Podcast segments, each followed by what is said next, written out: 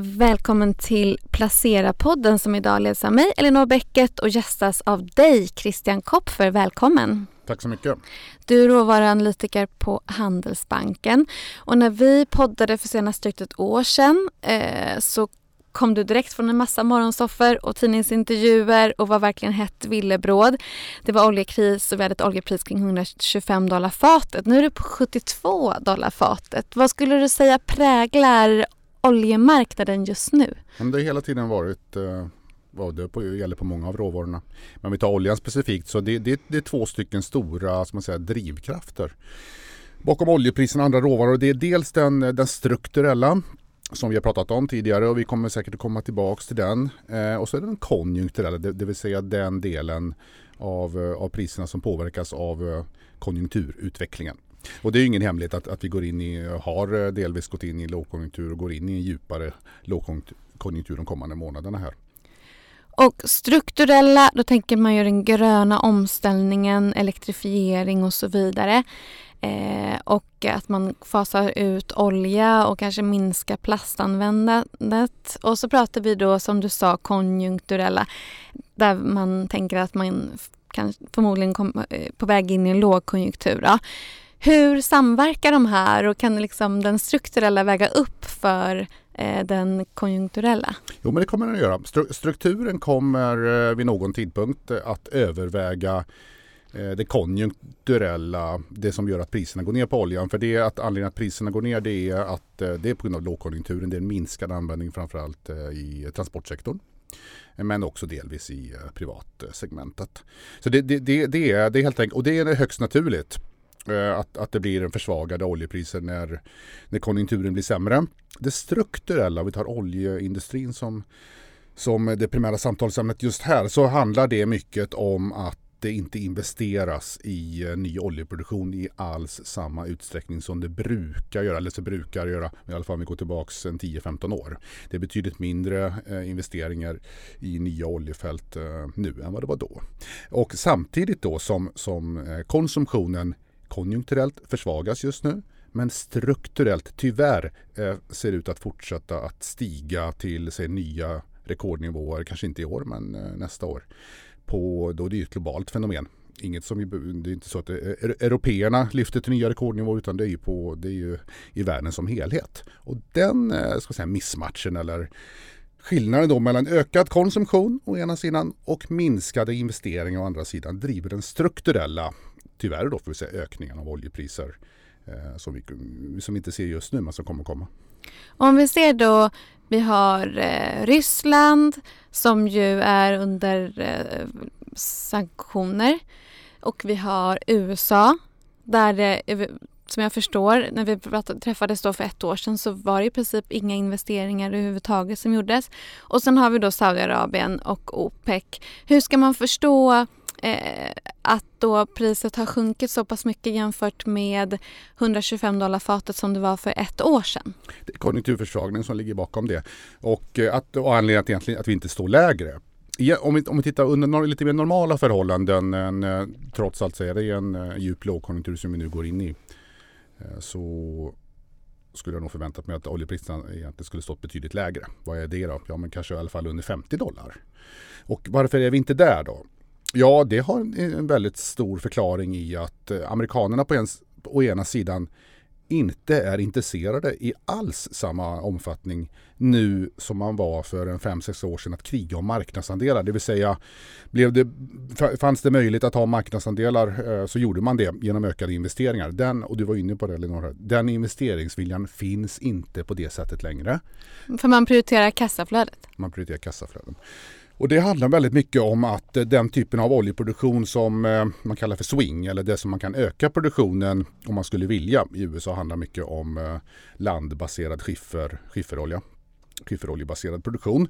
Och det är, det är källor som lever, de kan i och för sig leva några år, men de producerar ofta 70-80% av sin olja de första två åren. Och det innebär då att i syfte att upprätthålla produktionsnivåerna så måste man hela tiden investera i Eh, fler, fler brunnar och ökad produktion. Va?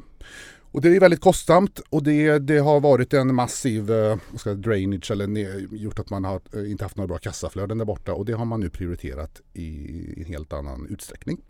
Samtidigt då har vi då Saudiarabien som är en del av OPEC på, eh, som en, en, fortsatt viktig eh, spelare på utbudssidan eller på produktionssidan. De har marknaden i ett mycket större grepp nu än vad man hade då. Och det har hänt lite på senaste tid. Man har gått ut och sagt att man ska dra ner nu framöver, eller hur? Precis, och man har ju ett väldigt starkt självförtroende där. Sen kan man säga att ja, det har inte fått någon större effekt. Vi eh, ligger fortfarande nere här på års, nästan årslägsta runt eh, dryga 70 dollar per fat. Och det är konjunkturella skäl. Det var, var det betydligt lägre Eh, om inte Saudiarabien hade gjort något. Då hade överutbudet varit ännu högre på oljemarknaden. Och så har vi då Ryssland. Va? Men det, det har visat sig att, att Ryssland var ju tidigare en av de allierade med OPEC. Man, man kallade ju OPEC för, eh, med Ryssland för OPEC plus. Man hade en allians med Ryssland och den alliansen finns ju inte riktigt samma utsträckning längre. Ryssland har väldigt mycket sanktioner på sig och embargon. Men man har visat sig att de, de embargon och de sanktionerna har inte fungerat eh, ska säga, inte för att straffa Ryssland fullt ut för de har ökat sin försäljning av olja i mycket hög eh, omfattning till Kina och Indien. Men bidrar det till ett sjunkande pris att de måste sälja till ett lägre pris då eller att världspriset går ner eller hur funkar det? Nej, men att de får ut sina volymer. Så vi kan säga då, eh, det är ju lite grann paradoxen med det här att hade, hade västländernas eh, sanktioner och embargon bitit fullt ut, det vill säga skulle slagit kraftigt på Rysslands förmåga att exportera sin olja så hade det drivit upp priserna kraftigt. Då hade det fått eh, inflationshöjande effekt som vi egentligen inte alls vill ha. Men det hade ju straffat eh, rysk ekonomi, ekonomi i högre utsträckning. Då. Så att det, det är ju ett dilemma som, som eh, OECD-länder och västländerna sitter på när man ska etablera sanktioner och embargo mot rysk oljeproduktion. Att man vill ju inte ha inflation men samtidigt vill man heller inte att det ryska så krigsmaskineriet ska fortsätta få starka inkomster från oljeindustrin. Du täcker inte enskilda oljebolag men du täcker sektorn. Hur mår oljebolagen nu då? Tjänar de mycket pengar? Ja men det beror lite på vart man kollar men om vi tänker stå Nordsjön så eh, det är ju en ganska effektiv oljesektor med eh, många av de bolagen där, eller flera av eh, fälten ligger på väldigt låga produktionskostnader. Vi pratar kanske 10, långt under 10 dollar per fat i vissa fall och det, det är klart att 70 dollar då är fortfarande väldigt starka marginaler.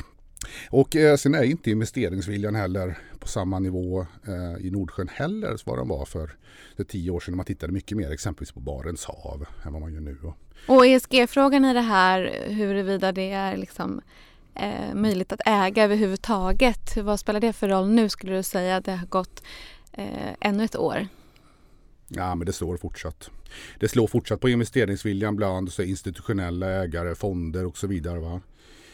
Det är inte samma intresse, eller det är ett sjunkande, sjunkande intresse och det är mycket av, eh, av ESG-mässiga skäl. Och då har det inte hjälpt så jättemycket att oljebolagen i, i vissa fall har sysslat med eh, säg, elektrifiering av eh, plattformarna, Eh, man investerar i eh, vissa fall vindkraft och så vidare då för att på något sätt då eh, justera eller för att göra, göra, på något sätt, ja, väga emot det stora koldioxidutsläpp som deras produkter innebär någon form av omställning kan man säga. Ja men det är det va och man har försökt då Oljeindustrin försöker på, no, på, på olika sätt attrahera kapital igen från investerarkollektivet genom att då eh, ja, öka, öka sin produktion av för, förnyelsebar energi samtidigt som man då vet om att deras grundprodukt ja, i, i, väldigt hög majoritet fortfarande går åt till att förbrännas va, i och med att det, det går till drivmedel.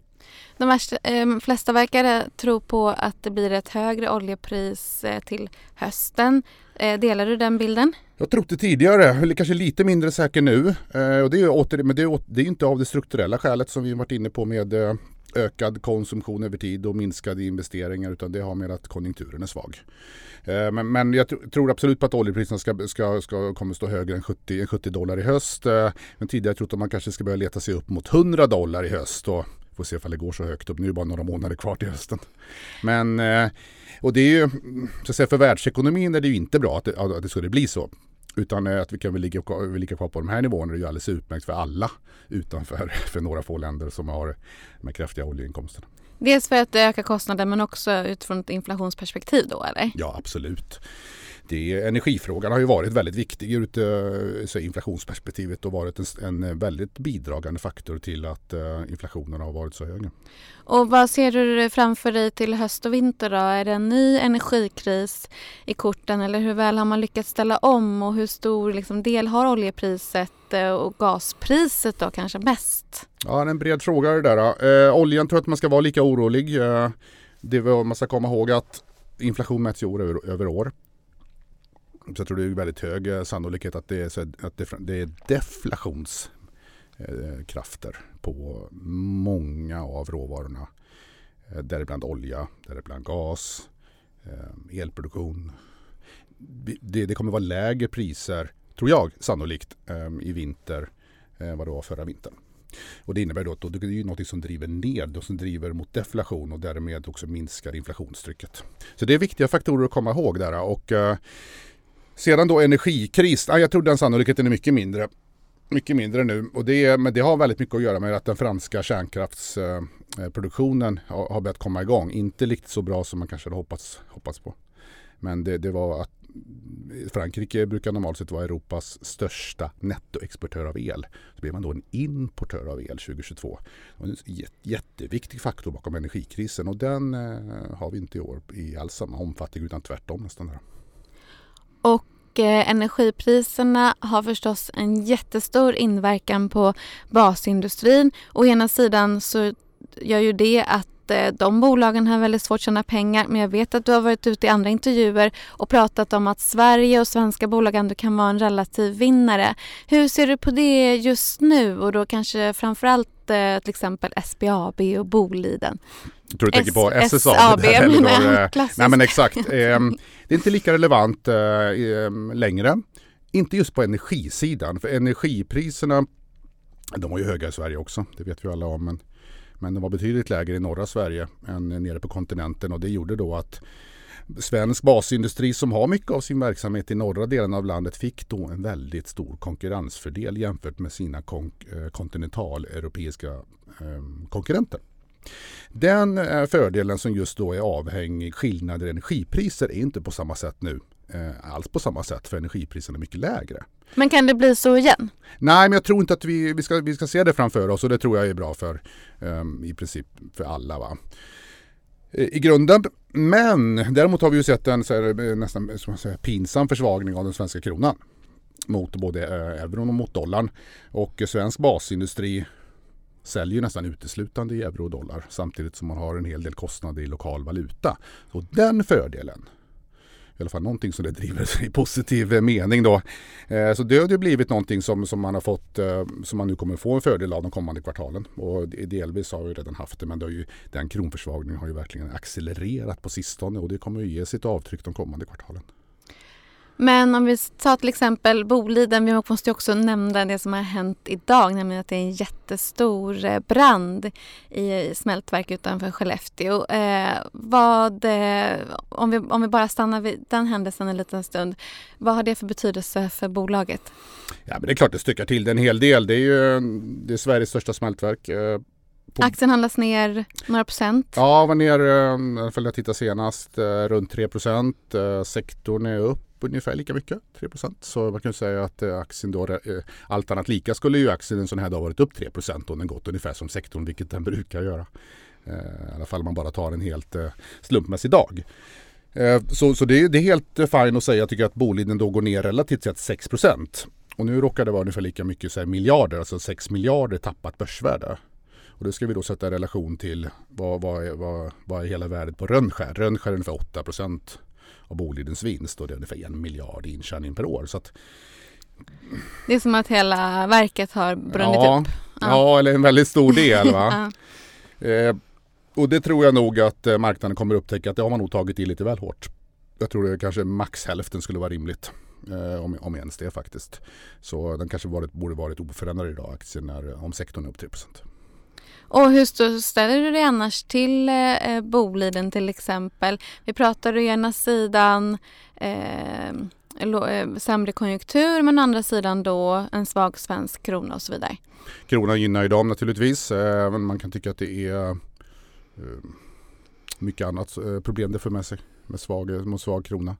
Så det är något som gynnar basindustrin. Nej men det har ju väldigt mycket att göra med hur, hur väl står sig deras råvaror prismässigt på marknaden. Och då är koppar väldigt viktigt? Koppar är viktigt, ungefär 30 procent.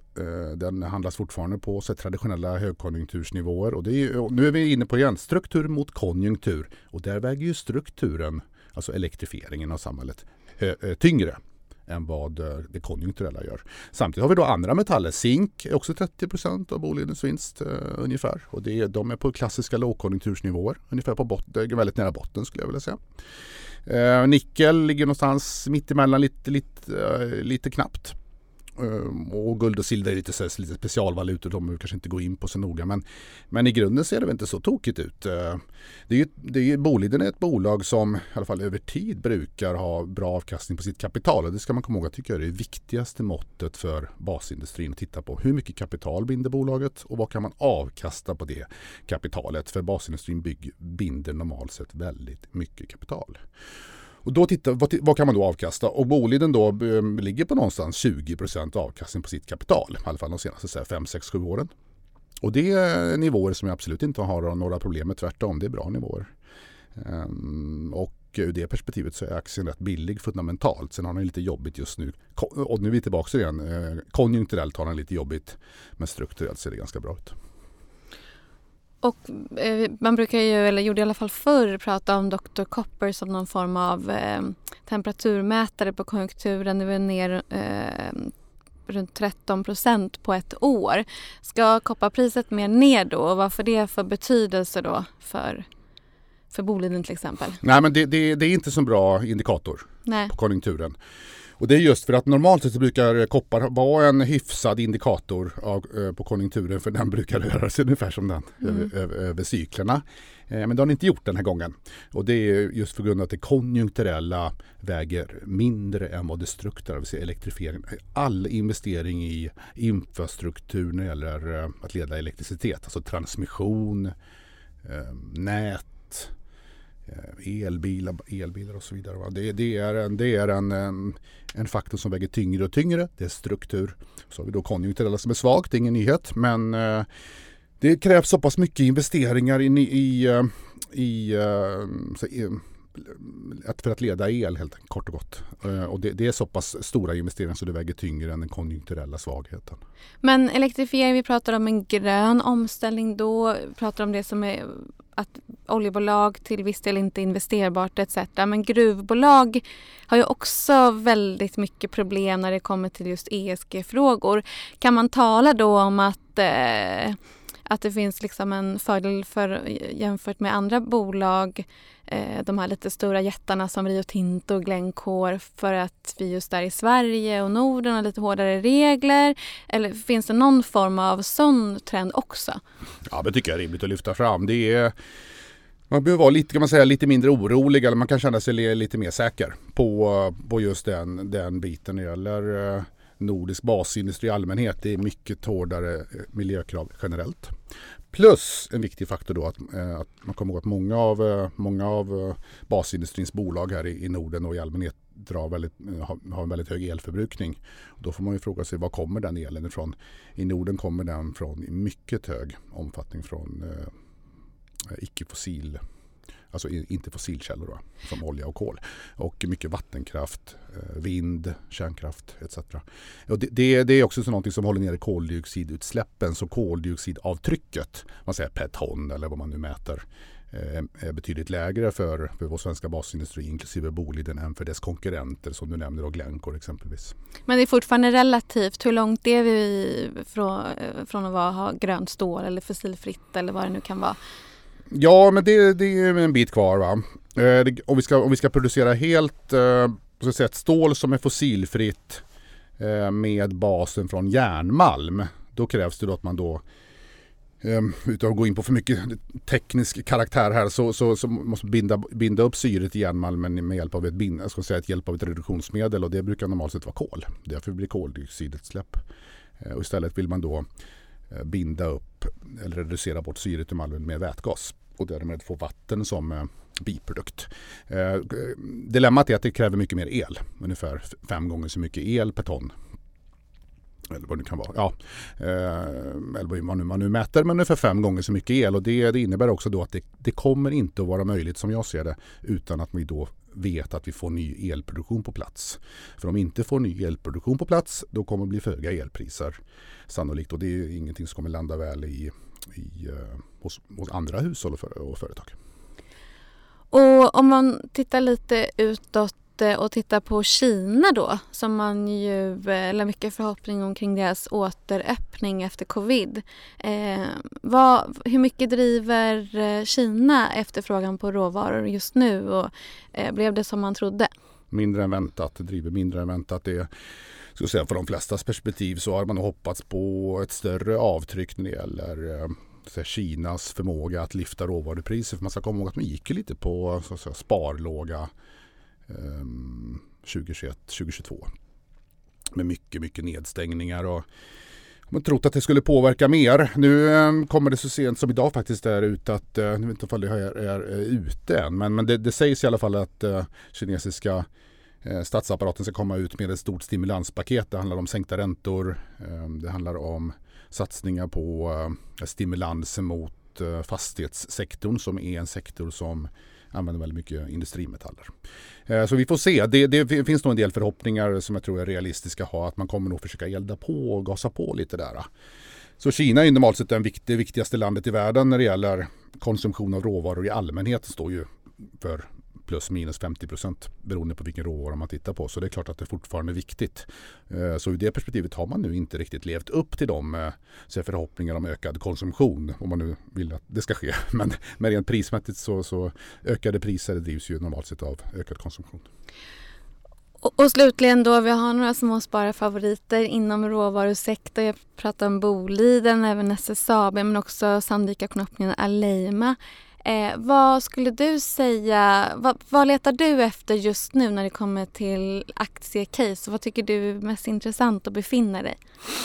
Ja, men jättebra fråga. Jag, jag, jag försöker leta efter eh, den typen av bolag som är väldigt, så att säga, som jag, tr jag tror är missförstådda. Som är där marknaden gör en, en strukturell missbedömning. Eh, och vi har varit ute tidigare och sagt att vi tror att SSAB är ett sådant eh, exempel. Som har gått över, upp över 200 procent på tre ja, år. Ja, exakt. Eh, men, men det finns en god förklaring bakom det och jag tror att den är fortfarande strukturellt eh, undervärderad. Eh, och det, det, har att göra med att eh, nästan alla, många, mycket av, av investerarkapitalet tror på att eh, SSAB kommer gå tillbaka i samma gamla hjulspår som man brukar göra. Och jag tror inte det kommer hända. Eh, det är klart att vinsterna kan gå ner, kommer gå ner i en lågkonjunktur men inte alls tror jag lika mycket som, de, som de brukar göra. Och det tror jag kommer att bli eh, uppenbart för marknaden eh, när vi går in i nästa år och därmed då kommer vi också få ett svar i en högre värdering. Exempelvis. Eh, en, en, andra faktorer, vi var inne på det lite grann i inlednings, inledningen här, men det handlar om, titta på, tycker jag, i, rå, i alla fall i råvarusektorn. För det binder väldigt mycket kapital. Så det krävs jättemycket investeringar och kapital för att hålla igång och växa verksamheten och då är det super, tycker jag, superviktigt hur, hur bra verksamheten är på att avkasta på det kapitalet. Då kan man inte bara kolla på omsättning eller resultat före avskrivningar utan man måste titta på avkastning på kapitalet och det finns ju olika mått på det. Men eh, ett, ett mått som jag tycker är eh, bra att titta på är avkastning på sysselsatt kapital. Eh, och kan man då, ligger man på någonstans då säg 20 procent som, var, som, som Boliden exempelvis gör så är det bra nivåer. 5-10 procent normalt sett för dåligt. Tack så mycket för att du kom hit Christian Kopfer. Tack så mycket.